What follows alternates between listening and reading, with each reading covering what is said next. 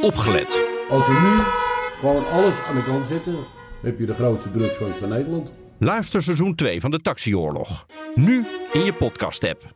Het ziet ons een beetje zwart voor de ogen. Ja, hoe komt dat? Maar dat komt door de zwartgelakte documenten die we allemaal te zien kregen. Hartelijk welkom bij de Technoloog. 2016. Welkom Ben. 2016? Nee, 216 natuurlijk. 2016. Dan ben ik heel oud. Het is 2021. eh, Ja. ja. En eh, welkom Maarten Lens Fitzgerald. Hallo. Voor de tweede keer. De eerste keer was ergens in 2018 trouwens. Ja. Ja, Ook alweer 2,5 jaar geleden. Jeetje. Mei Is het- 2018 geloof ik. Ik zet hem in de show notes. leuk. Ik had hem opgezocht. Ging ook over het onderwerp waar we het nu over gaan hebben. Voice. Yes. En dat is leuk, want je hebt een boek uit. Ja, Dat heet ook Voice? Dat dat heet Voice voor de kijkers nou, thuis. toepasselijk. Ja, nou ja, we zijn op video, hè. Maarten Ja. is in beeld. Dus eh, eh, schakel die video in op YouTube. De Technoloog op eh, YouTube. Kijkt nooit iemand. Mijn moeder zometeen. ik zeg niks. Goed zo. Oké, beginnen. Beginnen. Ehm, waarom een boek? Oh, heerlijk. Ehm, twee delen, eh, twee, twee ingangen. Ik wilde een boek schrijven om het gewoon uit te leggen wat ik allemaal weet. En dat geven aan de wereld, delen met de wereld. Ja.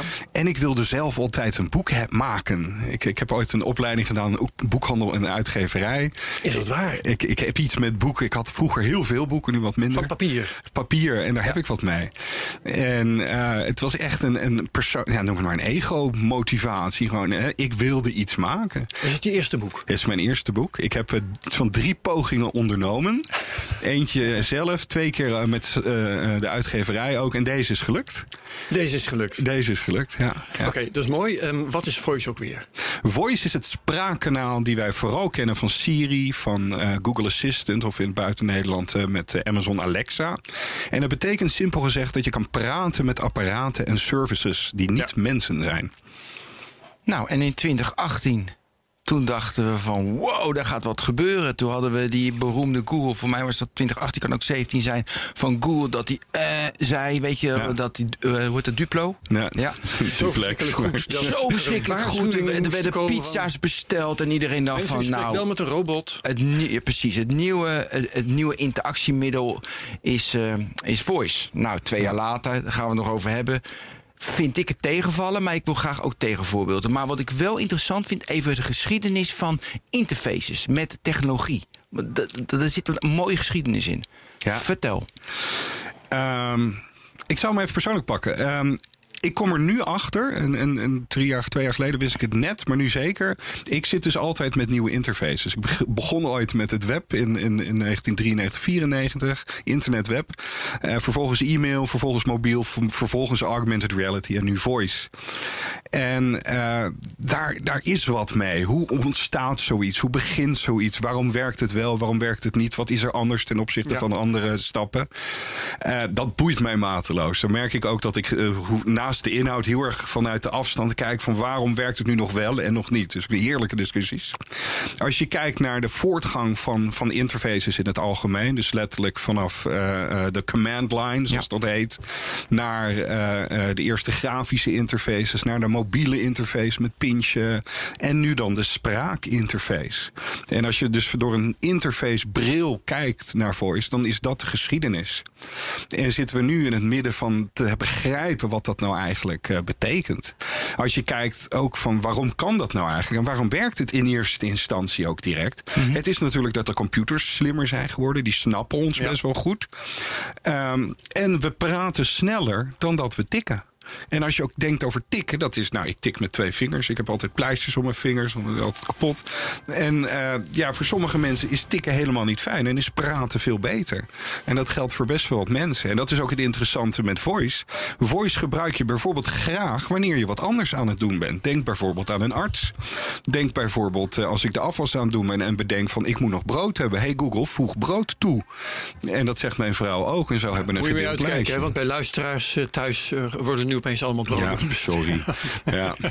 Maar betekent het dan, we- dus dat moet ik zien van ik, ik moet rustig blijven. Dus we zijn nu hoe lang bezig met voice? Ze zijn, ik denk, uh, Siri is, is iets meer dan 10 Ja, jaar oud. 2011 gekocht, Apport, hè? ja, en eh, Alexa zes jaar geleden. Ja, dus 2011. de, de, dus- algemene spraakinterface is, eh, vind ik, zes jaar oud. Dat is en, echt Alexa. en waar zitten we ongeveer op de tijdslijn dat het gewoon echt werkt? ik denk dat we nu op de neergang zitten van de hype cycle. Ah, leuk dat je die even noemt. En eh, dat, dat de, het ligt eraan welk land. Hè? Maar het ik denk ook dat is een oud model. Eh, je had Ah, net van Ben. Thompson, eh Stretchery. Kan, dat, ja, kan jij het goed zeggen? Stratechery. Category. Dankjewel. Ik lees als leesblinde het alleen maar. Dus het komt helemaal niet door in mijn hoofd. Maar dat is het dus. Ja? En die heeft net zijn Vandaar laatste dat je met artikel. voice bezig bent. eh, eh, heeft, eh, heeft hij het over internet 3.0. Ja. En dat betekent dat internet lokaal is. Dat betekent, hij heeft ook met Het vorige week over gehad. Oh, top. Ja, en, dus, het- dus het wordt weer decentraal. het, nou, de decentraal, ja, maar het is lokaal. Zo vertaal ik het. En waar ik achter kom, is dat voice is cultuur. Spraak is cultuur, is nationaal, is Mhm. lokaal, is een publieke ruimte. En waarom gaat dan een Google succes, of hoe gaat dan een Google of een Amazon succesvol over de hele wereld in al die culturen goed een publiek kanaal uitrollen? Is dat niet een onmogelijkheid? Ah, dus jij ziet het zelfs als uiting van het open, meer decentrale internet. Nou, dat is een is aspect, die, aspect. die, eh, ja, wat, wat we nog niet onder ogen hebben gezien in de eh, eh, emergence of voice, in het Engels gezegd. Met het ontstaan van voice. Ik zou voor we verder gaan eh, nog even willen ingaan op jouw opmerking over de interface. Hè? Ja. Ehm, dat, eh, dat we sneller spreken dan we typen. Ja. Ehm, dat geldt niet eens voor iedereen, denk ik trouwens. Maar dat terzijde. Ehm, wat ik daar tegenover wil stellen is eigenlijk vooral dat je eh, niet altijd typt om in te voeren, maar dat je soms ook klikt. Ja. En je klikt sneller dan dat je spreekt.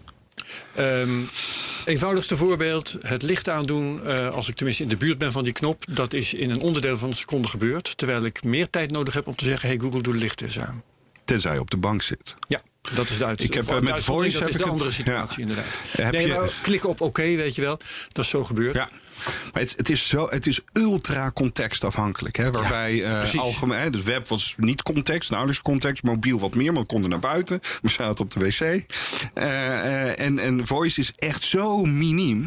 En er is een, wat ik noem het het magische moment. Eh, eh, persoonlijk had ik het, eh, ik had ooit wat te veel gedronken de volgende dag. En ik wilde de gordijnen weer dicht hebben, want het licht vond ik niet fijn. Dus toen zei ik van, hey Google, eh, close blind, eh, lower blind. En dat deed hij dan. En sorry mensen, dan gaan jullie gordijnen weer naar beneden. Eh, van de IKEA in ieder geval. En, eh, maar dat was fantastisch. Want ik vond het, ja, en ik hoefde niet op, want ik kon niks hè, die, die dag. En ik lag op de bank. En dat was een, een, ja, een miljoenenmoment, een magisch Ja. moment. Ik heb wat andere ook in het boek Maar beschreven. er zit ook een deel, eh, de vreugde van de techie zit daarin natuurlijk. Hè? Je, je bent een techie, je vindt het leuk Ja, om dat dat te zit er, maar. En je krijgt er een kick van dat dat inderdaad gebeurt. Maar letterlijk, nu had ik het nodig. En het was natuurlijk Ja. het is heel, heel subjectief. En ik maak er een leuk verhaal van. Ja. Met dronkenschap en zo. Ja. Maar eh, eh, dat is, mijn punt is juist. Want het was zo goed op dat moment. Ik had het zo nodig. en, eh, en dat is iets denk ik ook qua marketing. Als je kijkt gewoon even, even weer uitzoomend naar Nederland bijvoorbeeld. En, en alle bedrijven en alle marketingafdelingen. Wie weet eigenlijk heel goed wat de magische momenten zijn van hun product of service met hun klanten. Ja, en dan je denkt. Wat Vaak anders dan je denkt. en vaak weet men dat niet. Ik heb het ooit met e-mail, eh, ging ik heel Nederland af toen ik dat, dat deed. Hoe vaak marketingafdelingen niet wisten waarom ze deden. En gewoon maar gewoon hun ritme doorlopen. Mhm. In plaats van dat ze zo goed de klant snappen. En dus weten wat ze nodig hebben. En waarom ze het product kopen of afnemen. Of wat het betekent. En dat vind ik juist ook weer op een hele andere manier. de, de katalysatorfactor van Dus voice. overal zit dan een magisch voice moment in, in heel veel services. Of niet. Dat hoeft niet Maar te geef je even een voorbeeld. Oh, of niet. Eh, maar geef eens een paar voorbeelden van een magisch voice moment waar ik niet aan denk. Je blinds, dat, dat is een. Ik, had, ik, ik, even, ik vind het fijn om praktische voorbeelden. Ik was een, een tweeling, of een, een stapelbed voor de tweeling aan het eh, in elkaar schroeven. Staat in je boek deze. Ja, ja, ja. nee, eh, en eh, ik moest een, een, een voice verhaal doen op Schiphol. En het duurde natuurlijk veel langer. En, en ik was bezweet letterlijk. Met al mijn handen was ik aan het werk. En ik op een gegeven moment aan Google. Hey Google, hoe laat moet ik vertrekken om, om twee uur op Schiphol te zijn? En ik kreeg exact antwoord. Want hij wist waar ik was. Hij wist dat ik bij voorkeur bij, eh, per trein re- reis. En zodoende kreeg ik een goed antwoord. En dat en zo'n echt... complexe vraag kun je stellen. Dat, want dat verbaast mij dan weer. Ja, ja. Want hoe laat moet ik vertrekken om enzovoorts. Jeetje, ehm, En Daar gaat redelijk wat programmeerwerk aan vooraf om Ja. eh, zo'n vraag goed te kunnen interpreteren. Ja, en, en het enge is, het werkt niet altijd. Want natuurlijk heb ik het nogmaals geprobeerd. Maar dat, eh, als heel simpel, ja, dat is fantastisch. En gewoon dat het ene moment dat je dat ding nodig hebt, dat hij exact doet wat je nodig hebt. Dat is het magische moment. En is het magische moment, want dit is toevallig nou, de NS, die, die heeft daar profijt van. En IKEA heeft daar profijt van. En Schiphol heeft daar profijt van. Waar, eh, w- waar zit dat profijt? Dus zoek je altijd eerst bij klanten waar dat profijt zit voor iedereen? Want je moet luisteren waar het magische... Ik ben op zoek naar dat magische moment. Want kijk, dit is ook heel erg toevallig. Maar ik zoek het magische moment van een gamma. Ik zoek het magische moment van onze technoloog. Ja. Wat dan met voice gedaan zou worden, waardoor nou, dat voor de noodzakelijk techno- is. technoloog. Het, het is vooral een manier van denken, denk ik. Van, van, eh, stel met het bedrijf hè, eh, Technoloog Incorporated... eh, gaan hebben jullie drie ton beschikbaar om een nieuwe voice service te maken. Oh ja. En dan huur Is je dat mij zoveel? in. Nee, maar eh, en dan huur je mij veel in, want dan ben je dat kwijt. Nee. Eh, en dan gaan we bedenken over de strategie. En een deel van de strategie is van laten we een tijd besteden. Wat zijn de magische momenten die wij mogelijk maken in de wereld? Want wellicht zit daar een kans om een mooie voice-app omheen te maken. Zodat je een paar van die gouden momenten kan creëren, kan laten gebeuren. Ik Alle heb- technologen die gaan over AI. ja, exact. Geef mij alle, weet je wel? Geef mij Ja, ja, ja, ja. En vind je het waard om, nou, ik zeg voor, voor 10.000 euro heb jij een, een voice service die dan die batterij eh, of eh, die, die database eh, op thema gesorteerd eh, op de juiste manier eruit trekt en aanbiedt. is dat het waard? Hè? Dat is dan je, je bedrijfsbeslissing. En dan zeg je van ja, dat is, dat is goed. Dan Ja. heb je nog twee ton over. Ja. Oké. maar ehm, even heel anders eh, hoe ik het praktisch toepas. Ik heb van de zomer heb ik een, een, een spraakstrategie helpen maken voor een groot verzekeraar. En dat was letterlijk de, Namen, rugnummers, kom op. eh, eh, oh, VGZ, oké, dat mag vast. En ehm, eh, ik ben ook zo makkelijk. Echt Ja, top, beetje. Anyway. Een van de adviezen is van, eh, eh, of we, wisten duidelijk wanneer echt het moment was, wan- wanneer dat gezien zou kunnen worden, dat magische moment. Want waar we nu waren, was dat nog niet zo. En dat heeft te maken met de, eh, de, de capability, de, de, de kunde van voice. Hoe goed zijn we erin als bedrijf? Hoe goed is de markt ook? Eh, ehm, want bijvoorbeeld verzekeraars kunnen niet gebruik maken van de algemene voice services, omdat die data niet in Nederland wordt verwerkt.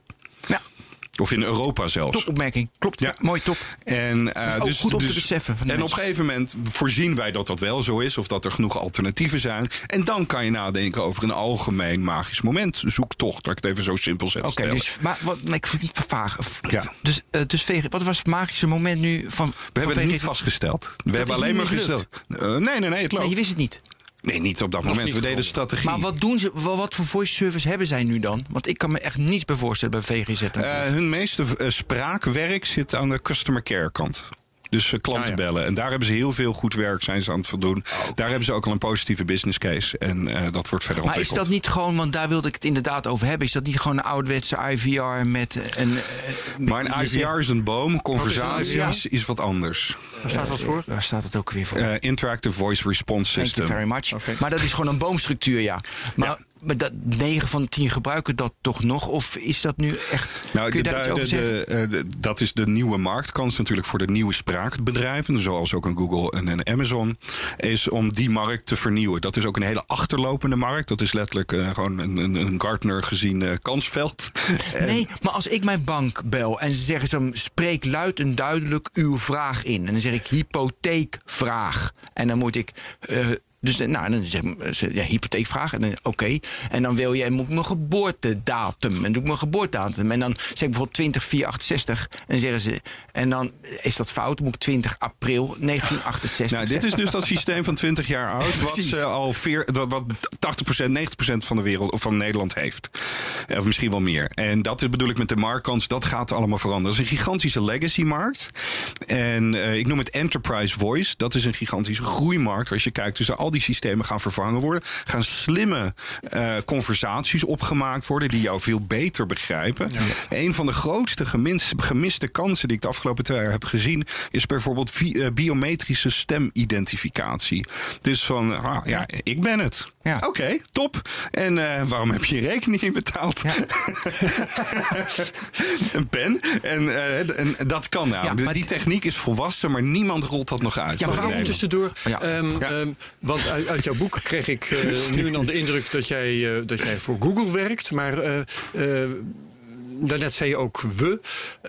Dan denk ik, wie is dat dan? Werk je nu als onafhankelijk consultant? Ik, ik ben onafhankelijk consultant en, Ja. en, en ja, Ook een voice even helder evangelist. Ja. Dus je, je bent dus inderdaad gewoon te huur voor dit soort dingen... om Ja. te beoordelen voor bedrijven wat ze het beste kunnen doen. Op Exact, ja. Oké. En ik initi- initieer diverse dingen zoals Project Silver, waar ik met ouderen en, en Google in dit geval eh, ontdek wat, wat de positieve effecten zijn. Ik ben nu met de NPO bezig om de Nationale Spraakcoalitie te ontwikkelen. Waarbij we kijken of we onafhankelijk van Google eigen taalmodellen kunnen eh, eh, opzetten met bedrijfsleven en universiteiten en organisaties zoals de Zodat eh, eh, iedereen goede modellen heeft eh, die, ze, die wij letterlijk lokaal managen. En dat de je daarvoor niet weer. afhankelijk bent van Google. Exact. Oké. 36 Ja. dingen. Oh, Ja. Ben gaat aan. Ja, nee, maar ik wil. Ik, ik, dat, dus het hele enterprise verhaal. daar dus kom ik op terug. Ja, kom. Kom ik op terug. Maar we zitten nu even bij Google met de NPO. Is het dan niet zo lokaal dat ik gewoon alle Nederlandse voice kan in een, in een database kan zetten? Alle, alles. En dat er dan een slim algoritme is die snapt dat ik vraag van... joh, wat is je geboortedatum, voice of de gordijnen enzovoorts. Leg uit hoe dat dan gaat. Ehm, nu, eh, eh, eh, ehm, het heeft te maken met eigenlijk wat ik ooit geleerd heb met hoe je een database maakt. Ik heb ooit heel veel muziek verzameld en dan maakte ik zelf alle eh, directories en alle, alle namen van de, Ja. eh, de nummers. En dan moest ik alle velden per hand steeds corrigeren. En dan pas begreep de machine, kon ik goed zoeken. Ja. Ik had mijn eigen manier van de thema's, of noem je dat, de, de genres. Spraak is hetzelfde. Je kan er een berg aan spraakdata, hè, bijvoorbeeld deze opname, zou je erop kunnen gooien. Maar wat er nodig is, is wie zei wat wanneer en klopt dat? Hè, dus ik praat best wel snel. Ik heb heel veel gekke woorden misschien die ik ertussen eh, gebruik. Mijn intonatie, dat is natuurlijk hele andere data, is, is ook nog een ding. En gestructureerde spraakdata, corpora wordt dat ook wel genoemd, dat is niet altijd goed voorhanden. Dan wel dat het heel slim hè, geautomatiseerd verzameld is, maar niet altijd perfect. Dat zijn bijvoorbeeld die grote databases met al die miljarden parameters die steeds beschikbaar worden. Ja, ik denk aan dat GPT-3, Ja. waar we het ook over hebben gehad. Maar Ja. dat is natuurlijk alleen maar, zeg maar textueel, maar dat kan je natuurlijk ook met voice doen. Ja, Dus is- exact. Vergelijkbaar. Precies hetzelfde. Dus ik ga ervan uit dat ook in het Nederlands taalgebied dat we dat gaan doen. Ik weet, er zit minder funding enzovoorts, maar dat, dat zou kunnen. Ja, daar en, Maar- en de Nederlandse Spraakcoalitie heeft zich, eh, is nog een ontwikkeling, is nog niet opgericht, maar we zijn dus aan het onderzoeken met zo'n twintigtal partijen. eh, om te kijken van, hebben wij genoeg cloud samen, genoeg beweging, urgentie om het zelf te gaan ontwikkelen en onderling te gaan delen. Misschien zelfs publiek te maken onder een soort open source licentie. Zodat we onafhankelijk, lokaal, de regiolecten bijvoorbeeld, hè, het zuiden, het midden, het noorden, het oosten, goed ter beschikking stellen. Zodat kleine bedrijven die voice services willen maken, daar gebruik van kunnen maken. Maar ook een VGZ of een, een, een, een Groningse verzekeraar of wie dan ook, of een bank. Dus zodat zij goede spraakservices kunnen hebben. Nu is dat dus bijvoorbeeld binnen Google ver weg ge- geautomatiseerd dichtgetimmerd. Eh, en dan kunnen we er niet bij. En we weten niet of dat goed gaat. Maar dan ga ik dus eerst even in Engels. Hoe begrijpt Google of Siri of, eh, of de Echo van Amazon nu van eh, zet de timer op 10 minuten, uh, uh, on 10 minutes? Hoe begrijpen ze dat nu? Hoe gaat dat? Oké, er zijn een aantal stappen. Dus als eerste eh zeg Kun je de- Nederlands spreken tegen al die eh, Siri, Eh, eh, Alexa, Siri en Cortana? Google. Ja, niet Siri tegen. Alexa. Siri en Google Ja. zijn in het Nederlands. Oké, ga verder. Bixby, Bixby ook niet, als je Ja. die kent. Bixby is van Samsung. Eh, eenvoudig gezegd, eerst wordt de tekst naar, eh, of de spraak naar tekst geconverteerd. Speech to text. Dus dat is een hele belangrijke. En vervolgens heb je NLU, een Natural Language Understanding. En daar wordt, nou denk bijvoorbeeld aan die GTP-kunde. Daar wordt gewoon gekeken, wat wordt hier gezegd? En dan wordt Wat een is GTP? De, de, die database waar we het net over hadden. Nou, die, nou, daar wordt gewoon gekeken van wat betekenen deze woorden? Wat herken ik hier uit andere kennis die ik als systeem al heb? Van, oh, licht ken ik. Dat, eh, dat is dat ding wat, wat, wat Ben geregistreerd heeft eh, op zes verschillende manieren. Maar het is alleen maar één licht. maar dat snapt hij dan. En eh, aan ken ik, want dat, dat is de, de, de, commando aan. En dat is dus eh 01, ik zeg maar wat. En dus ik vertel tegen Hugh van Philips of Signify dat dat moet gebeuren. En ik heb die koppeling. Dus zo ja, wordt, werkt een systeem. Dus je wordt vertaald naar eh, tekst. Die tekst wordt begrepen. Hè, de, intent, de intentie wordt eruit gehaald. De, de, de, de, eh, ja, de entiteiten ook. Hè, dus licht is een entiteit. En zodoende weet het systeem wat hij moet doen. Ehm, en nou, nou ze- zei je net regiolecten. Ja. Eh, hoe fijnmazig moet dat eigenlijk zijn? Want je hebt natuurlijk Gronings en Drents en Fries. Maar in Groningen heb je ongetwijfeld ook Gronings en Hoogezand Sappemeers. Of misschien wel Hoogezands en Sappemeers. Weet je wel? Ja, ik doe nu een Dus- project in het zuiden. En oh, Maastricht. En, en, ja, en. Oh, fantastisch. Maar regiolect is mijn redding. Want dat is de verzameling van zo'n gebied. Lijkt mij letterlijk. misschien bijna een algemeen menselijke eigenschap dat eh, pak een beet eh, op 50, in een straal van 50 kilometer dat er echt relevante verschillen zijn, of niet? Nou, de clue is vooral dat je ze erkent als, als service designer. Laat ik het zo maar. Het, het Ja. eh, eh, Technoloog Inc., het grote bedrijf wat in, in Limburg goed een voice service wil gaan maken. Dus je houdt rekening mee. Hey, bij ons moet er wat meer gekeken worden dat, dat, dat wij vers- worden verstaan en andersom. En dan heb je dus die taal nodig in je database. En het enige wat je eigenlijk nodig hebt, is gewoon weer registreren dat, nou, licht is misschien lucht, ik zeg maar wat, ik, ik kan geen reden. Ja. Uh, ik nou, zeg maar dat dat lucht is ook in, in een bepaald regiolect. En dan registreer je dat dat hetzelfde is. Even heel simpel gezegd. Er zit natuurlijk wat meer nuance in. En het leuke is, is het is helemaal geen nieuwe kunde. Het is vooral productiewerk. Je moet dus vooral zorgen Ja. dat die talen, die regiolecten ook goed verzameld worden. En, en beschikbaar gemaakt worden. Zodat niet alleen eh, eh, jullie bedrijf, maar ook anderen er gebruik van kunnen maken. Zodoende dat het, de spraakinterfaces en services kunnen groeien. Ja, maar mijn vraag was dus eigenlijk: ehm, eh, wil je als bedrijf eh, goede dienst kunnen verlenen, moet je dan ehm, alleen een provinciaal regiolect eh, kunnen onderscheiden? Of moet je ook een lokaal, een plaatselijk regiolect kunnen onderscheiden? Maakt denk ik niet zoveel uit. Ik denk nu is het al zo fijn dat je als je, als je een zachte G zou horen. Stel je voor, je maakt Ja. een zorgproduct eh, voor ouderen die, die goed lokaal praat, laat ik het even zo zeggen, in Tilburg. En, en dat die dan eh, in, met een zachte G wordt beantwoord. Die zijn dan al zo blij. Want vaak zijn het hele kleine dingen die al Je voldoende hebt het zijn. ook over de spraak die wordt gegenereerd. Dat is de volgende. Ja, ik ga wat snel. Ja. Ja, want, want dat zijn twee verschillende kunsten. Hè? Ja. Het, ehm, het eh, herkennen van spraak en het produceren van spraak. Ja. Exact. De tweede, eh, en, en de stemmen is ook een, een, een heel belangrijk iets. En nu, als je bijvoorbeeld kijkt naar de Google-stemmen, die zijn nou, niet fantastisch. Je kan, eh, je kan het zelf laten maken voor heel veel geld. Er zijn, zijn mooie bedrijven die dat doen. En ik ben dus steeds meer van mening dat spraak een publieke eh, ja, gebied is. Een plein is wat van iedereen is.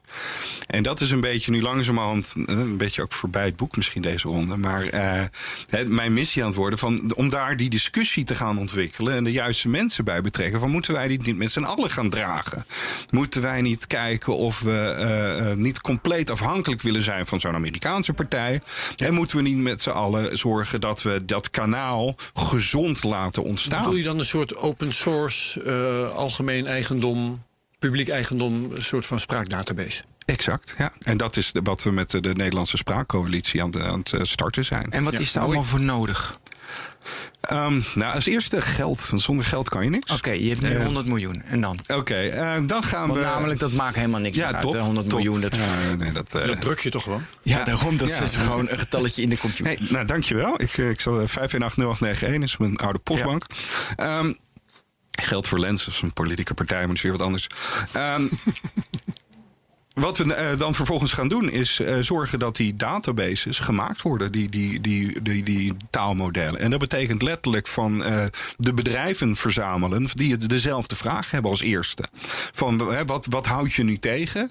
Wat heb je nodig? En nou, wat ik bijvoorbeeld zei, laten we in het zuiden beginnen met een regiolect. Maar er is ook een project die inderdaad in Maastricht begint, waar ook heel belangrijke dingen gedaan worden. Dus dan hebben we daar nog een zoom in.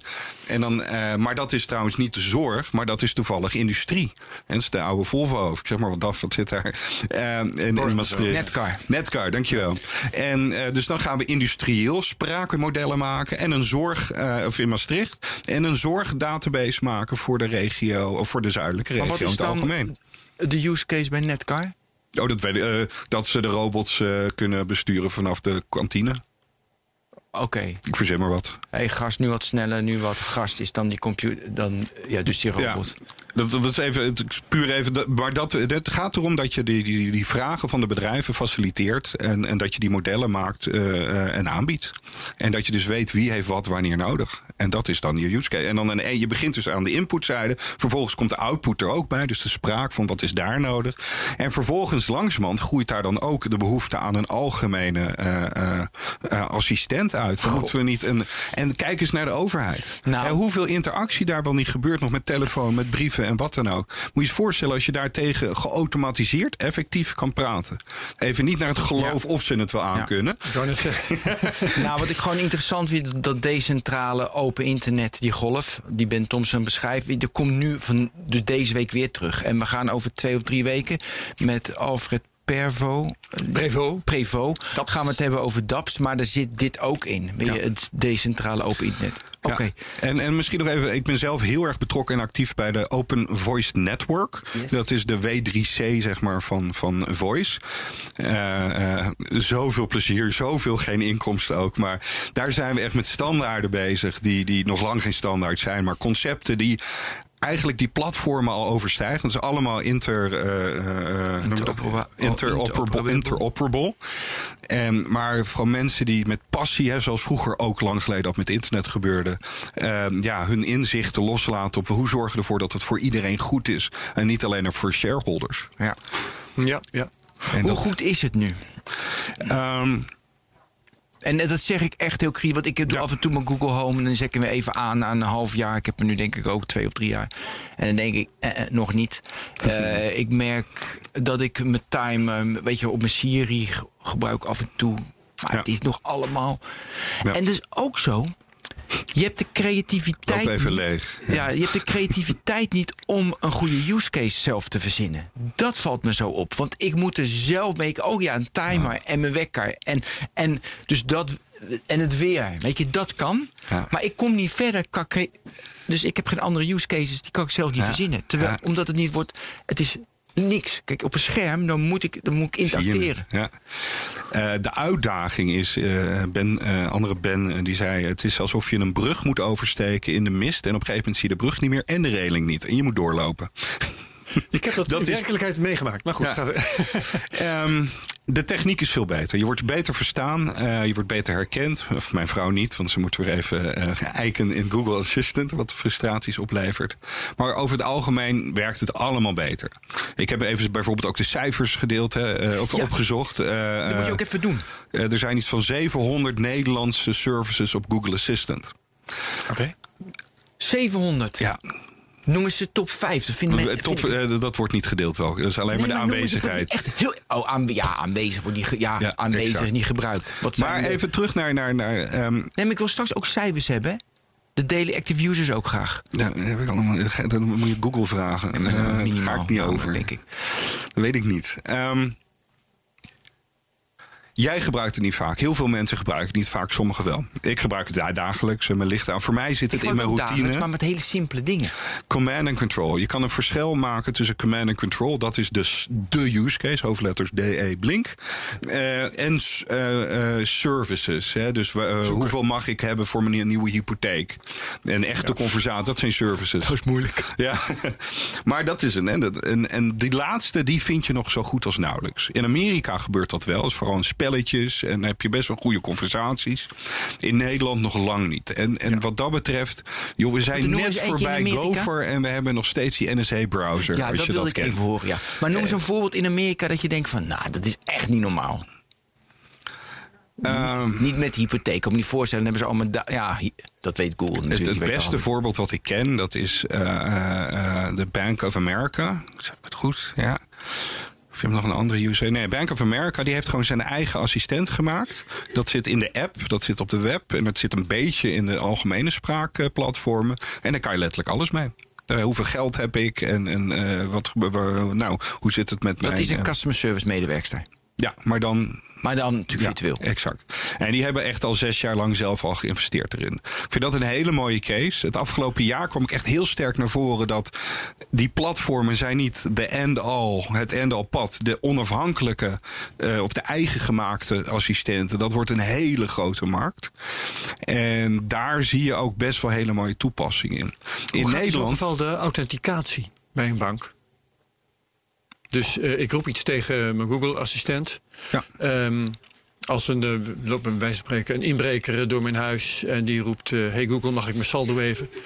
Eh, krijgt hij dan mijn saldo? Nee, nee, nee. Dat Hoe is eh, eh, sowieso. Jij hebt Google. eh, eh, dus laten we even je telefoon ge- gezegd. Jij hebt Google via jouw reader geauten- geautoriseerd om toegang te krijgen tot de Rabo backend van jou.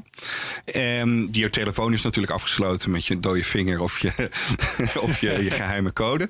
Ehm, en thuis op de speaker wordt jouw stem herkend. Dus eh, daar zit een. Stemherkenning is ja, dan dat zit er al de in. sleutel. Is Ja, dan ja. eh, cruciaal. waarom bijvoorbeeld mijn vrouw dus niet altijd herkend wordt als zij brood probeert toe te voegen aan de shoppinglist. Dat is omdat, Ja, eh, die, die, die herkenningen moeten nog even goed doen. die, doet het, die doet het bij mannen beter dan bij vrouwen. Dat wordt er gezegd, geloof dat, zou, dat gebeurt ook. Ja, dat is over een heel ander ver. Dus de bias, die, eh, onze natuurlijke bias van, van de hele wereld, zit ook natuurlijk in een voice. Vreselijk. En weet je, nog even een heel ander leuk verhaaltje. Weet je waarom Alexa Alexa heet? Nee. Ben ik vergeten, ja. Alexandrië. Ja, het is de bibliotheek Oh, ja. van alles. Maar ja, Oh, ze ja. dachten dus niet dat iedereen Alexa thuis zou hebben met die keuze. Dus alle mensen die nu Alexa heten, die palen zijn stekker. Want die worden gepest als je kind bent. En, en, en er is Alexa letterlijk een hele groep ja. mensen. En ik heb die vrouw gesproken die het gestart is. Nou, vreselijk. ik vind dat zo'n mooi shit voorbeeld van een slechte designkeuze. Ja. Hey, maar even terug naar het verhaal, want we onderbraken dit. Dit verhaal was dus die. Wat je triggerde in het verhaal van de Bank of America. Die, die- dat is dus niet op het platform Amazon of Nee. Google. Het is een eigen platform gebouwd. Ja. Een eigen database met heel veel tekst, Ja. met heel veel voice. Ja. En dat koop je deels. Hè, bijvoorbeeld eh, de Beep, eh, BBC is met zijn eigen ding bezig. Eh, en die Web doet dat. Erg interessante man, die kennen ook. En die heeft Microsoft spul uiteindelijk gek- ingekocht. Die doen het Ja. het beste. Die gingen het beste om met de data, want daar waren ze heel strin- stringent in. Gigantisch veel audiokunde erop losgelaten om de juiste stem erop te doen. De juiste geluidjes. Het is nog niet, niet live groot. Maar langzamerhand zijn ze daar met heel veel geld, want dat hebben ze daar natuurlijk, Ja. dat goed aan ontwikkelen. Zodat alle audio van de BBC goed ontsloten kunnen worden. Zodat eh, de simpele lokale voetbalwedstrijden geautomatiseerd, ik weet niet hoe dat gaat werken, hè, verslagen kunnen worden. Denk aan, eh, denk ik, wat Stekel een tijd geleden probeerde, maar dan anders. Hoe, sorry? Eh, Jeroen Stekelenburg, hoe heet, ja, ja, dat die kan. had toch iets met lokale voetbal en automatische video. Oh ja, ja. Camera's langs eh, de lijn en ja. zo. Maar ik weet niet of dat met commentaar was. Eh, Maar in ieder wat geval- jij nu lijkt te bedoelen is automatisch gegenereerd Nee, commentaar. Ja, dat is wel heel interessant. Ik kan me dat best wel voorstellen trouwens. Hè, dat, ehm, dat er beeldherkenning is die gewoon herkent eh, welke speler aan de bal is, bijvoorbeeld. Ja, exact. Dat en zo hebben zij, hebben zij een aantal use cases om dit aan te verantwoorden. En ze zien gewoon dat het heel belangrijk is om dat zelf te doen. En dat is ook een, soort, een mooi voorbeeld van een publieksruimteachtige assistent. Ja, ik had van- de week een call en toen hoorde ik mezelf ineens roepen van... ja, het is een no-brainer dat ieder mens over een jaar of 10, 15 een personal assistant heeft... die die je helpt met, zeg maar virtueel, die je helpt met alles wat je maar bedenkt en wil enzovoort. Weet je, qua, zodat het internet in, eh, op de mobiel in 2001 was ook nog iets meer buggier. En Nick die- Ponti beschreef het al eh, 30 jaar geleden. Hoe oud was dat boek met de personal agents? Maar- Weet je dat nog? ja, Eh, zo dat zal 1997 of zo zijn geweest. Ja. Denk ik niet. Dus dat is dan Maar goed, 24. Ja. Toen komen we weer terug bij de enterprise dan. Dus jij zegt voor de consumer. En dat is voornamelijk dus privacy dat, dat de Bank of America dat zelf bouwt. En control vooral. En control. Control. En dat ze niet het weg willen geven aan Google Amazon. Ja, ja. Dus daar zit die strijd op. Maar voor de consumer is het natuurlijk nog voornamelijk Google en Amazon. Dat zijn de algemene aanbie ja, het En aanbod, het algemene aanbod, ja. En, en wat we daar zien is dat het gebruik, nou, ik, ik noem het, nee, het is niet ook maar de, de, de, het, is, het is heel miniem. Het is vooral eh, eh, de command and control dingen die goed werken, hè, de, de, de IoT-achtige zaken. En de services, dat is nog heel hard werken. En eh, ik denk dat dat te maken heeft met het feit dat dat, eh, dat A, het is nog hartstikke jong. We zijn net begonnen.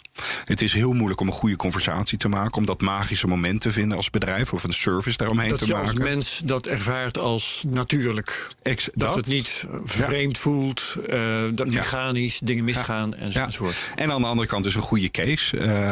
Carla van Wijmeren hier in Nederland heeft het Smart Voices. En het, het enige voicebureau in Nederland. En die had onlangs een case waarbij je eh, als klant gebeld wordt over een achterstallige rekening. En ik vond dat zo'n fijn idee. Want ik word altijd zo gek als ik een aanmaning krijg. En hadden ze nou niet even kunnen bellen? Want dan had ik kunnen zeggen: Oh god, we helemaal glad vergeten. Stomme. Of eh, ja, ik heb het even niet. Kunnen we niet eh, wat regelen? Maar ben je dan aangenaam verrast dat je, als je wordt gebeld door een robot? Damme. Nou, ik zou het best wel beter vinden dan hele direct een aannaming. Nou, eh, en, en, of aanmaning. Nou ja, als die aanmaning maar, een beetje tactvol gesteld is. Exact. Maar goed, maar dan heb je dus weer een goede conversatie ontwerpen. hey, sorry, het is een robot, maar het Ja. is best, laten we hiermee beginnen. Ik zeg maar wat. hè. Eh, dus beter dat dat. eh, Ik vind dat een heel mooi. Eng, maar wel een mooi voorbeeld van een pro, om te proberen in ieder geval. En dat is een goede inderdaad, service. Maar niet, eh, want, want een robot, als, als je het slecht doet, dan slaat hij net zo'n eh genadeloze toon aan als in de meeste aanmaningen staat. Weet je wel. Dus dat moet je dan inderdaad niet doen. Exact. En, en als ik dan kijk hoe wij met z'n allen die, eh, die, die, die app hebben gemaakt, de corona-app, dan denk ik van nou, als, als semi-overheid of wat was dat, hè, zulke apps kunnen maken, dan heb ik dan wel weer hoop dat de andere organisaties dat ook kunnen. Ik zou tussen, tussen twee haakjes. Wat mij de afgelopen dagen twee keer is gebeurd. Nou. De telefoon gaat. Ja. Eh, ik zie een nummer. eh, en als ik een nummer zie, dan is het eigenlijk al meteen foute boel. Want er is iemand die niet in mijn adresboek staat. Dus dan weet ik niet wie het is. Daar begint het mee.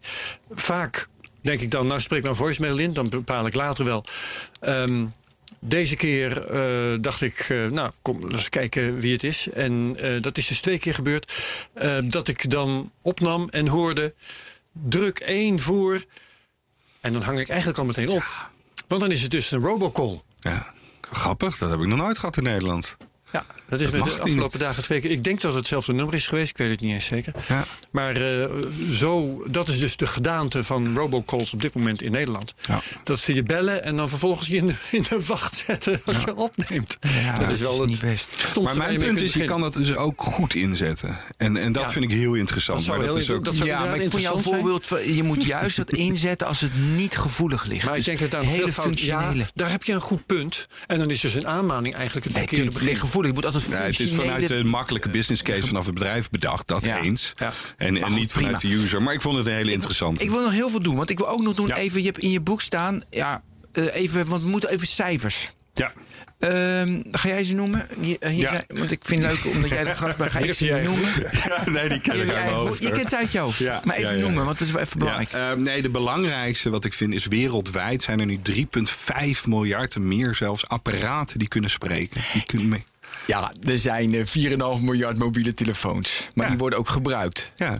En langzamerhand krijg je ook daar de mouse van. De, Ja. de monthly active, Ja. die weet ik niet uit mijn hoofd. Nou, die heb jij 500 ervoor. miljoen staat hier bij Google Ja. Assistant en 375 miljoen monthly active bij Siri. Ja. Nou, ik vond dat toch heel beho- behoorlijk. Bij Alexa staat er geen monthly active users. Die hebben 200 miljoen plus. Ja. En wat, wat ik leuk vind, hè, het- ik, heb, ik heb wat platformervaring. Ik weet dat je bij de lancering van een Oh, platform. dit, nou, hey, hadden we hem? Dit hebben we op het web gevonden, want mijn Siri ging automatisch aan. Vond ik wel even toepasselijk. Wat, wat, wat gebeurt er nou? Nou ja, ik deed niks, maar ik heb hem expres nu dat hij her- herkent dat hij. Dat hij Ja, we zeiden, je zei Siri. Zeg Siri? Ja. Oh, hey, Vandaar dat Siri, hij aan- dat moet je helemaal niet doen, man. ja. Hey Siri. Nee, hij doet het niet op mijn stem. Nou, ik heb hem Goed, hè? expres- Normaal zit er al die troep uit natuurlijk. Daar word ik gek van, want dit is echt irritant. Maar ik had hem aangezet, want ik testte. Ik weet niet meer wat ik deed. Waar was je?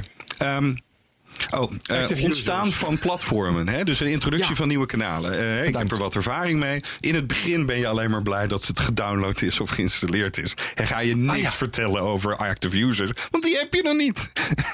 en langzamerhand voel je je sterk genoeg om dat te delen. En dat is het afgelopen jaar gebeurd. Dus in 2020 voelden de platformen zich sterk genoeg om te delen. Ze doen dat natuurlijk wel op een manier dat het niet te vergelijken is. Dus je kan ze helemaal niet naast elkaar zetten. Maar lang, eh, dat is de, de, de ontstaan van een nieuw kanaal, van een nieuw platform. Dat is wat er gebeurt. En dus, eh, eh, ja, Ja, daar moet, niet- daar moet ik dus niet zo kritisch op zijn. Want het is, ik moet echt zien, dit is 15 jaar terug. Ja. In vergelijking met mobiel. Het heeft geen zin. Of ja, je kan het zijn, dat is je, je Nee, maar je- recht. Maar ja. het, eh, ga er wat relaxter mee om. Dat en dat is doen. ook als je kijkt hè, naar mijn boek. Mijn enige belangrijke punt in het boek is van leer praten met de mensen.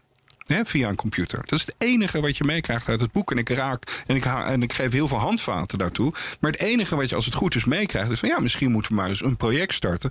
Om te kijken hoe doen we dat. Maar Maarten, dat is wel gek, hè? Want dat was ook in relatie dat ik dat van de week in de meeting roep over 15 jaar. Weet je, heeft iedereen een. Eh, hebben ze een assistant. Want nu doe jij, dat lees ik ook in het boek, allemaal pilotjes. Daar zit er een innovatiebudgetje en dan gaan ze een keer eh, een action, moet je even uitleggen, met actions maken en zo. Dan gaan ze iets maken, weet je, haha, haha.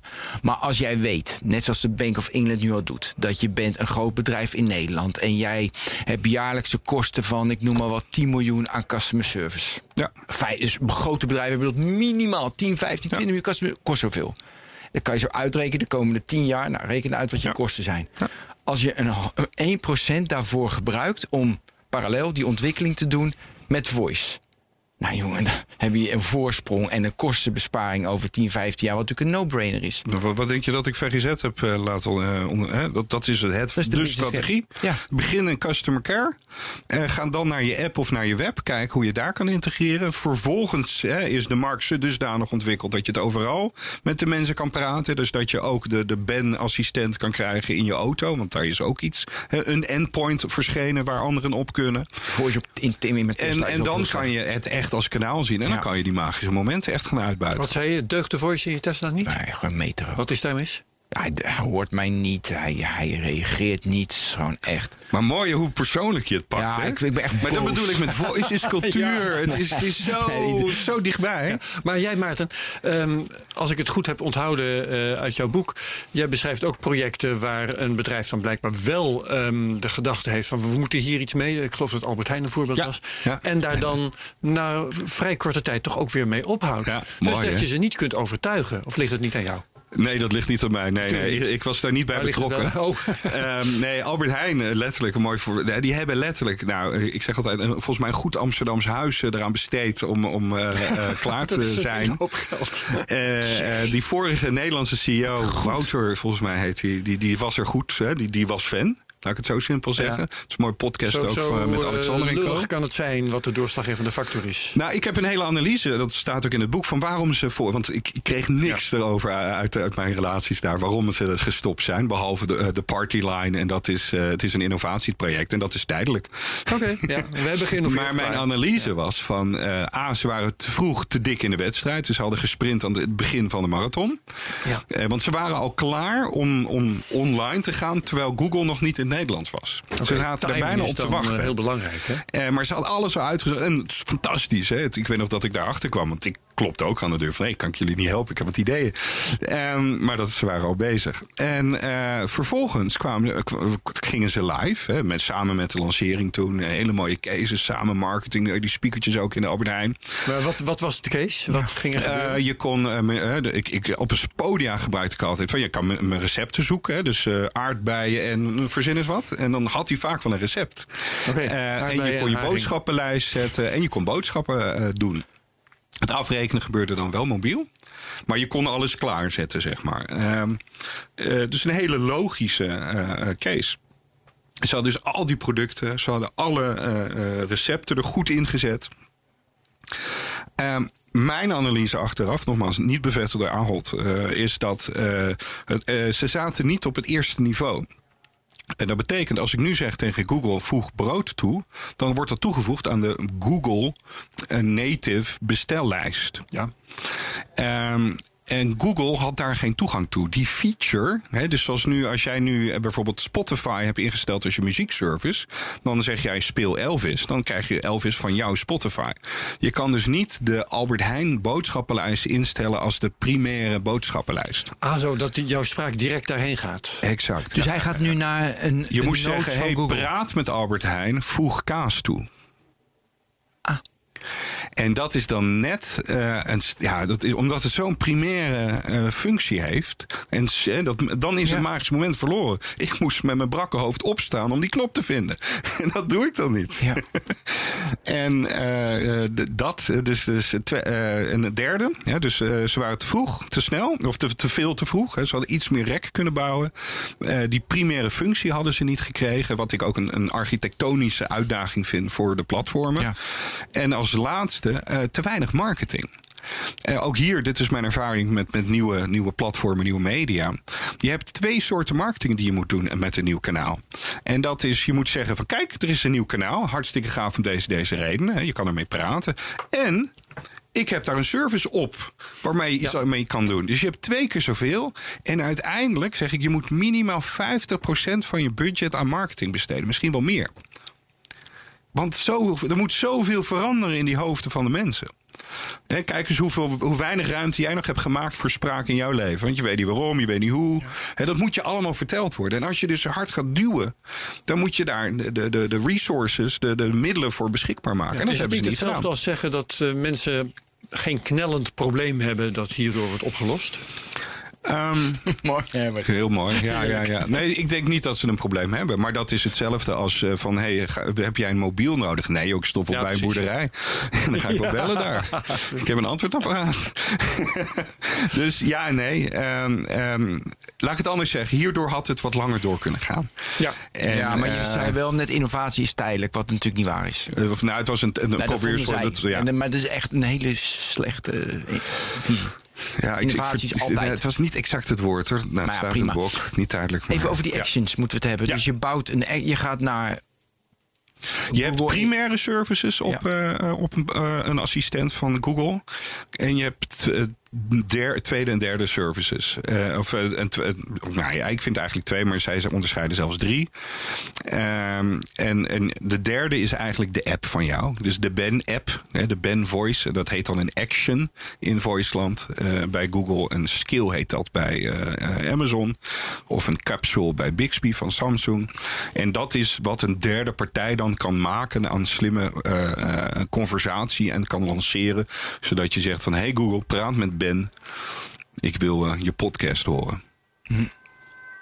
Oké, en dat, je- dat is vrij eenvoudig om te programmeren, zo'n action of een skill. Je kan de eerste simpele versie, de, de, de, de innovatie eh, MVP is makkelijk te maken. De echte versie valt altijd tegen. Want de conversatie programmeren is best moeilijk. Eh, eh, de techniek is vaak ook best wel moeilijk, toch, om dat helemaal goed te krijgen. Ehm, in de innovatiefase, dus in een verkenningsfase, is het eh 90% conversatiedesign, de idee, 10% techniek. Want dan kan je letterlijk als een soort flowchart kan je de basics tekenen en testen. Ga je het echt programmeren, dan wordt het complexer. Ja. Dan wordt het, eh, sommigen ik zag net een, een, eh, een oude NS-presentatie en die zeiden het andersom. Ja, dus 90% techniek en eh 10% ontwerp. Want ja, je hebt vaak heel veel back-end systemen die moeten worden opengebroken om eh, met Ja. elkaar te gaan praten. Maar ja, als je bijvoorbeeld in Nederland, het mooiste case staat ook in het boek van de Rabobank.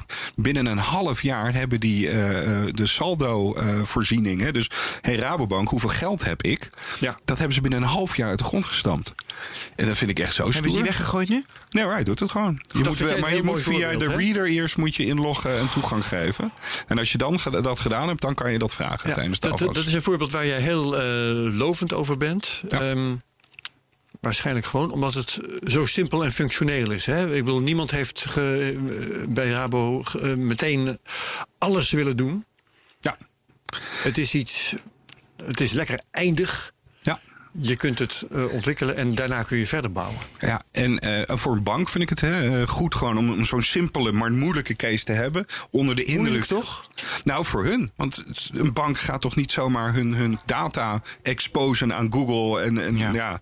dat doen ze Oké, niet. omdat bankdata nu langs Google gaat. Exact, ja. En dat hebben ze helemaal dichtgetimmerd. Er is een speciaal contract voor gekomen. Maar dat hebben ze allemaal. Ik, ik vind er gewoon trots op. Hè, alsof, alsof een kind voor het eerst loopt. Nee, geen goede analogie. Maar ehm, eh, ja, gewoon goed dat ze dat voor elkaar hebben. En dat ze serieus het oppakken. Heel gedegen. Ze zijn nu met de volgende stappen bezig. Ze hebben ook een soort tikje nu met, eh, in, de, voice app. Eh, volgens mij wordt de Rabofoon zijn ze daar nu mee bezig. En letterlijk al die oude systemen eigenlijk zijn ze aan het kijken of ze dat nu ook via moderne spraaksystemen kunnen, kunnen ja, inzetten. Ja, jij besteedt een heel hoofdstuk in je boek aan eh, privacy. Wat Ja. zijn de, de privacy-valkuilen die voice met zich meebrengt? Ik denk dan bijvoorbeeld dat, ja, ik zit in de huiskamer eh, met, mijn, eh, met mijn Google te communiceren of mijn, mijn Alexa. Zitten mensen bij misschien, maar inderdaad, het gaat ook langs Google. En dus wat, waar, waar zitten al die voetangels en klemmen? Ik, het is een heel moeilijk onderwerp. Ik zeg altijd, het is Ja. net ja, porno in de media. Dat is ook altijd heel moeilijk. Ja. en eh, dat heb ik vaker aan deze tafel gezegd trouwens. Is dat zo? Dat ja, ik moet die flashback. Eh, is A, dat, dat, hè, dus als je pers, hè, de media, hier we zitten in de media, en, en, en privacy en, en, en dat, dat gaat allemaal zoveel misinformatie is daar. Dat, dat is een feit. Of in ieder geval wat ik constateer. Dus het is heel moeilijk. Bedoel je met misinformatie onnodige angst Nou, ik, ik heb bijvoorbeeld ja, onnodige angst. Dat zijn dan de effecten van die misinformatie. Ik heb dus een keer een, een, een iets gelanceerd met eh, eh, Project Silver. En eh, de trouw, die, die wilde echt niet snappen. Nou, die, die, die zei echt van. Nu worden alle ouderen afgeluisterd. Terwijl dat helemaal niet gebeurde. En die had echt dat. Ja. Maar die wilde zo graag die kop hebben. Op zich, oh ja, dat kan natuurlijk ook. Maar, maar ehm, op het moment dat zo'n onderwerp op je afkomt, hè, eh, in de huiskamer praten tegen machines en daar eh, Ja. data door de lucht laten vliegen, dan denk ik ook van nou overtuig mij eerst maar dat het Ja. goed af gaat lopen, want ik overzie het nog niet. Ja, nee, dus, dat, is, dat is ehm, geen domme houding toch? Nee, nee, absoluut niet. Nee, nee. Mijn punt is, het is een veld. Dus aan de ene kant heb je de, de media met hoe ze er eh, als een soort mentos in een Pepsi-fles eh, ermee omgaan.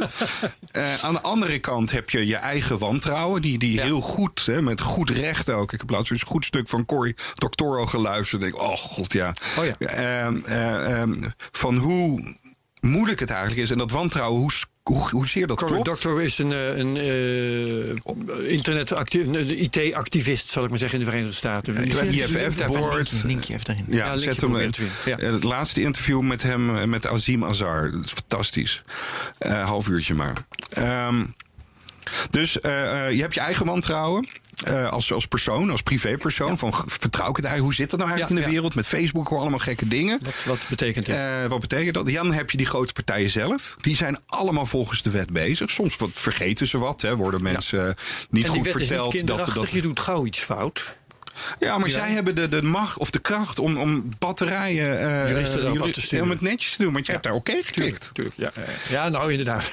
En ja, sorry, maar dat Dus dan klopt wordt toch? de, last weer bij de consument gelegd. En, en, en sinds Corey weet ik ook dat ze. Nou, dan maken we toch een wet. eh, Want ik heb genoeg lobbykracht. En dan eh, wie het hoogste biedt, maken we een wet die dat dan oplost.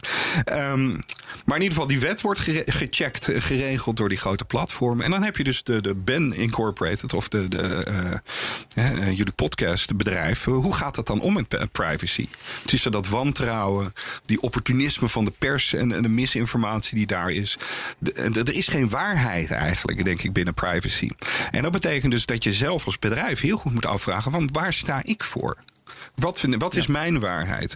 En bijvoorbeeld bij verzekeraars, die zeggen dan heel duidelijk: van ja, wij gaan niet met Google werken, want het is niet duidelijk waar die data staat. En wij willen dat dat in Europa is. Dat is onze eigen wet die we hebben opgelegd. Oké, dat, is- dat is een go- goed verstandig uitgangspunt. En eh, ik adviseer dus ook aan bedrijven van wees daar helder in. Wat is voor jou belangrijk? Hoe ga jij daarmee om? En vervolgens ook, eh, ga eh, wat betreft dat wantrouwen, ga eerst ontdekken met mensen die willen, die het een beetje vertrouwen, wat werkt. En pas als je een positieve use case hebt, kan je dan langzamerhand ook naar de andere mensen gaan. Door het goed uit te leggen, door die, nou noem het maar even, die dure marketing te doen. Om ervoor te zeggen, van, ja, maar dit werkt wel. Eh, En zo kan je rustige stappen ondernemen die, die niet al te reactief zijn. Bedoel je- het uit, uit, eh, Dat je, dat je eerst de use cases hebt die werken en daarvan dan gaat uitzoeken wat daar eigenlijk de privacy implicaties van zijn? Nee, dat doe je al vanaf het stap 1. Privacy by design. Ja, absoluut. Dat, Ja, we ja. niet time wat en mijn vraag ja. was eigenlijk, en jij, jij eh, begrijpt het wel hoor, jij, jij eh, stelt je een beetje op het standpunt van de, de bedrijven die dit gaan ontwikkelen. Ja, of zo pak ik ik sta meer ja. op het standpunt van de consument. Ik, ik krijg met die diensten te maken. Ehm, ik zit in mijn huiskamer en ik denk, ja, ik kan tegen die computer gaan praten, maar Ja. Eh, ik, om te beginnen geeft dat inderdaad het gevoel dat je wordt afgeluisterd. In elk geval dat het zou kunnen. Hè, want ik kan, meteen Ja. kan ik me de krantenberichten voorstellen. Of die in de IT-media op het web. Ja. Eh, dat er een, inderdaad een microfoon per ongeluk is blijven openstaan. Of dat toch ergens bij Google of Amazon er een afdeling zit te luisteren naar feitelijke opnamen. Om te analyseren Nou, wat even daarover, hè, over die opnames en het overtikken. Dat gebeurt. Ja. Dat gebeurt. eh, en dat is dus die slordigheid, hè, wat, wat er wel eens gebeurt eh, bij die grote platformen. Dat en wat was dat twee jaar geleden? dat het wel gebeurt. eh, waren ze daar niet duidelijk over in hun. en dan kwamen, en dan kwamen in België. en het interessante wel is, is dat die mensen mogen dat niet zeggen, maar hebben dat wel gedaan. Maar gelukkig heeft dat het effect dat ze nu duidelijker zijn. Ik heb net een nieuwe Mac ook geïnstalleerd. En er wordt netjes met Siri wil je dat we. Hè, dat staat bijna letterlijk. Mogen ze in België af en toe meetikken Ja. met wat jij vertelt? Kun je ook nee zeggen? En dan kan je ook nee zeggen. Dat is nu heel goed geregeld. Kan maar niet nee zeggen, want dan kan het niet gebruiken. Jawel hoor, dat kan wel. Dat is niet zo fantastisch. En eh, Google Assistant heeft net ook een guest mode gelanceerd, waardoor niks wordt geregistreerd. Als je zegt, mijn, mijn, eh, mijn spraak mag niet worden geanalyseerd, krijg je dan een Oh, slechtere jouw versie? spraak. Nee, oké, jouw Ja. spraak. Oké, ik begreep. Nee, ik dacht, Ja, je kan dus maar het wordt niet zo goed. Ja, eh, zelfs met de OVN zijn we nu zover. Is dat je OVN? eigen- oh, sorry, de Open Voice Network, die standaardenorganisatie. Oké, ja, ja, Zijn we bezig met privacy standaarden om voor te stellen, eh, of richtlijnen. En daar zeggen we ook, ja, alles moet opt-in zijn. En niet opt-out. Ja. En dat betekent dus dat je ook moet kunnen zeggen van... je moet dit direct weggooien als je mij, mijn gespreksdata verwerkt hebt... in die NLU, hè, Ja. die, die wat we net zeiden. Ehm, uiteindelijk denk ik ook, even een stapsprong... dat je de privacy of pri- eh, pri- private by design grote platformen, of die zullen dat moeten zijn. Hè, die zullen private by design moeten zijn in de hele wereld. En dat betekent dus dat die algemene spraakmodellen, om dat hier even terug te brengen, veel belangrijker gaan worden dan die geautomatiseerde spraakmodellen. Dus letterlijk bent mompelend in de Tesla, die zit misschien ook waarschijnlijk verwerkt ergens in Google, want die hebben een data-overeenkomst, ik zeg maar wat, en daar heeft hij voor oké geklikt. geklikt, ja. Ik denk niet dat dat de juiste manier is om die data te verzamelen. En ik denk dus dat die, die wat, ik- hè, vandaar ook die Nederlandse spraakcoalitie, dat dat veel belangrijker gaat worden in de toekomst. Dat we georganiseerd op een nette manier al die spraakkennisdatabases gaan vullen, zodat we op basis daarvan goede spraakservices kunnen maken. Ja, en een hele met privacy. Ik las gisteren, dat is dan 20 januari op Tweakers gemeente Amsterdam onderzoekt. Verwijder mijn dataknop voor burgers. Waar we natuurlijk al hier jaren over zeggen. Waarom niet? Ja. Weet je, dat je gewoon, Ja. deze spraak van Ben is er allemaal. En nu alles in één keer vink weg. Ja. Dus dat dat nog steeds is, is natuurlijk ook raar En- dat die en- bedrijven dat niet doen. Dus als een bedrijf zelf moet kiezen, weet je, dat is, pri- eh, dat is privacy by design, dat je dat wel toevoegt. Ja. En nu dus als individu, als, hè, nog maar even terug naar je huiskamer. Het is moeilijk. Het is hartstikke moeilijk. Het heeft te maken met wat voor type je bent. Ben je wantrouwend? Ben je goed gelovig? Ik ben goed gelovig, dus ik, ik heb alles aanstaan. Eh, het heeft, want meer heb je niet. Het is niet duidelijk aan de media te krijgen. Het is niet duidelijk uit die 86 pagina's eh, die je accordeert bij het installeren van die app. Er worden goede pogingen gedaan. En nog Apple vind ik daar een mooi voorbeeld van. Het beste voorbeeld vind ik nog steeds de, de corona-app van Nederland. Dus eh, hoeveel ze op. Ja, en dat vergeleken met WhatsApp bijvoorbeeld. Mooie plaatjes heb je daarvan. En daar lopen we achter nu in de algemene ontwikkeling. Is dat de burger wordt niet goed geïnformeerd. Die weet het eigenlijk niet. Ik vind dat eigenlijk een overheidstaak om dat goed te doen. Maar ja, de overheid loopt meer achter, of nog meer achter, dan de burger. Dus die kunnen dat helemaal niet. Ja, ja, ja. Ehm, dus ehm, nee, privacy voor de persoonlijke pers of de, de- voor de persoon is heel moeilijk. En ik denk dus als bedrijf is dat dus weer een kans om je te onderscheiden. Ik heb ooit voor eh, Luxaflex bedacht. Van ga lekker een, een, een simpele naar beneden naar boven spraakinterface eraan bouwen. Offline. En market het als de beste private by design eh Luxaflex. Dat gaat als een speer. Daar, daar zeg je zoiets. Als je brak op de bank ligt. Ehm, want dat dacht ik ook nog toen ik me op deze podcast zat voor te bereiden. Ehm, dat heel veel spraakdata eh, in de cloud resideren. Dat is op dit moment, als ik het eh, goed zie, moet je mij eventueel maar corrigeren. eh, een technische noodzaak, omdat er gewoon nog te weinig processorkracht en te weinig geheugen in je smartphone zit. Maar waarom zou het niet op een keer zo kunnen zijn dat alle eh, informatie die nodig is om aan goede spraakverwerking te doen, in die smartphone zit, zodat de hele cloud niet meer nodig is en het privacy aspect gewoon weg is? Computing in the edge. Ja, nee, edge computing is een heel groot ding in voice. Eh, het is een keuze dat we nog niet gedaan hebben. Of het, het gaat steeds meer naar de edge. Het zit stil, steeds meer in de speakers. En het kan bijna allemaal, denk ik, in de speakers nu al. Want zo moeilijk is het niet. En, en, en, en ruimte en processorkracht zijn niet zo duur. Nee, oké, ja, ja. En het is echt een keuze dat ze nog niet gedaan hebben. Want ze gaan liever eh, AR maken op die telefoon en dat soort andere dingen. En eh, het, het, het, het kan net zo. Je kan ook, ze kunnen bij Apple bij de volgende lancering. Kijk, we hebben de spraakchip naast de neural chip. En, en exact dezelfde argumenten. Op het alleen moment dat, het dat ze denken dat het een selling point is, dan wordt het een Exact. selling point. En Siri is nog steeds niet als OS gezien. eh, maar als zodra ze dat gaan zien en zodra dat die originele visie van, van Jobs weer opge. ge- En voorspel je dat dat gaat gebeuren een keer? ik weet het niet. Eh, nee, ik, ik ben zo goed geworden in het niet weten. Ik weet dat spraak groot is en eh, groot gaat worden. Dat het heel een natuurlijke interface. Het is de meest natuurlijke inclusieve interface ooit. Ja. En eh, het wordt ook een kanaal en een medium. En langzamerhand gaan we ontdekken hoe dat eruit ziet. En het enige wat we weten is dat het, het niet hetzelfde zal zijn als mobiel, als social, als het internet, als het web. Alleen dat het wel sommige vergelijkingspunten hebben. En, en maar ja, voor mij altijd de uitdaging om die uit te zoeken. En in de tussentijd bedrijven te helpen met de weg te vinden die voor hun eh, billig is eh, Ja. eh, en zinnig is. Ja. Dit zijn al bijna heel, hele mooie slotwoorden. We zitten op 59,5 minuut. eh, Zo. Maar je hebt vast nog wel dingen Nou ja. die je had willen vragen. Ik vond heel erg leuk, die, dat artikel had ik je gestuurd. Dat, weet je, de film Heur, daar is alles mee begonnen. De persoonlijke assistent, wat ik net ook zei. En als je in China las ik een artikel uit december afgelopen jaar. Dat er gewoon een, een eh, dat inderdaad een assistent. En dat die een eh, man voorkomen had, een eenzame man, eh, om zelfmoord te plegen. En net zoals in Heur, 650 mensen bedienen ze. Je kan er oneindig veel bedienen. En dat die echt, dat mensen echt geloven dat ze een virtuele, dat ze een vriendin hebben. Dat een ze empathische dialoog. empathische de, beetje dialoog. Dus dan vro- vroeg ik me ook af, is China dan verder? Maar ik zie Baidu, zie ik veel meer onderin Maar staan. iedereen heeft toch namen voor sommige apparaten? Hè, doe niet zo gek, computer. ik begon toch met Eliza, met, eh, hoe heet die ook weer? Ja, maar gewoon dat je dingen namen geeft. Hè? Dus Ja. je pan of dat je tegen je plant praat. Dat Ja. is wat dat betreft hetzelfde. Wat ik heel erg interessant vind, is met Project Silver, het onderzoek wat we gedaan hebben met zo'n eh, 3000 ouderen. In, en vooral het kwalitatief onderzoek, daar kwam er buiten dat, gewoon, dat ze zo blij waren in hun eentje als ze dan zeiden van goedemorgen. En dat er een antwoord werd gegeven. Ja, kan me voorstellen. En eh, de les daarin is van je hoeft dus niks speciaals te bouwen. Dat was mijn eerste idee. We gaan nog speciaal. Nee, gewoon lekker die basale functies. Hartstikke goed genoeg.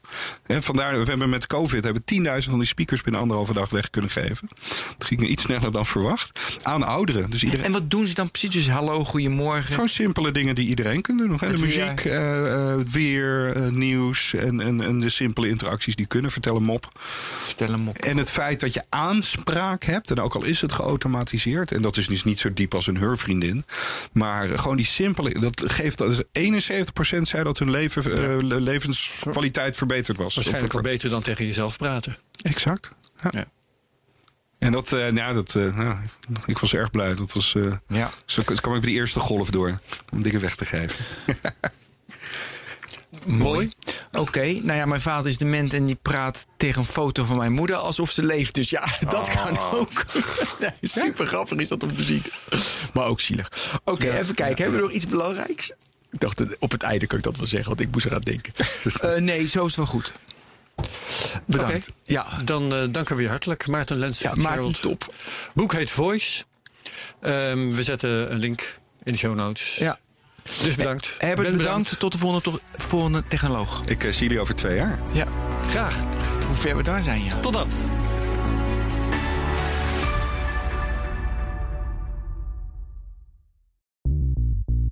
BNR ben je altijd als eerste op de hoogte van het laatste nieuws. Luister dagelijks live via internet. Bas van Werven. En heel langzaam komt de zon op rond dit tijdstip. Je krijgt inzicht in de dag die komt op BNR, het Binnenhof in Nederland en de rest van de wereld. De Ochtendspits. Voor de beste start van je werkdag. Blijf scherp en mis niets.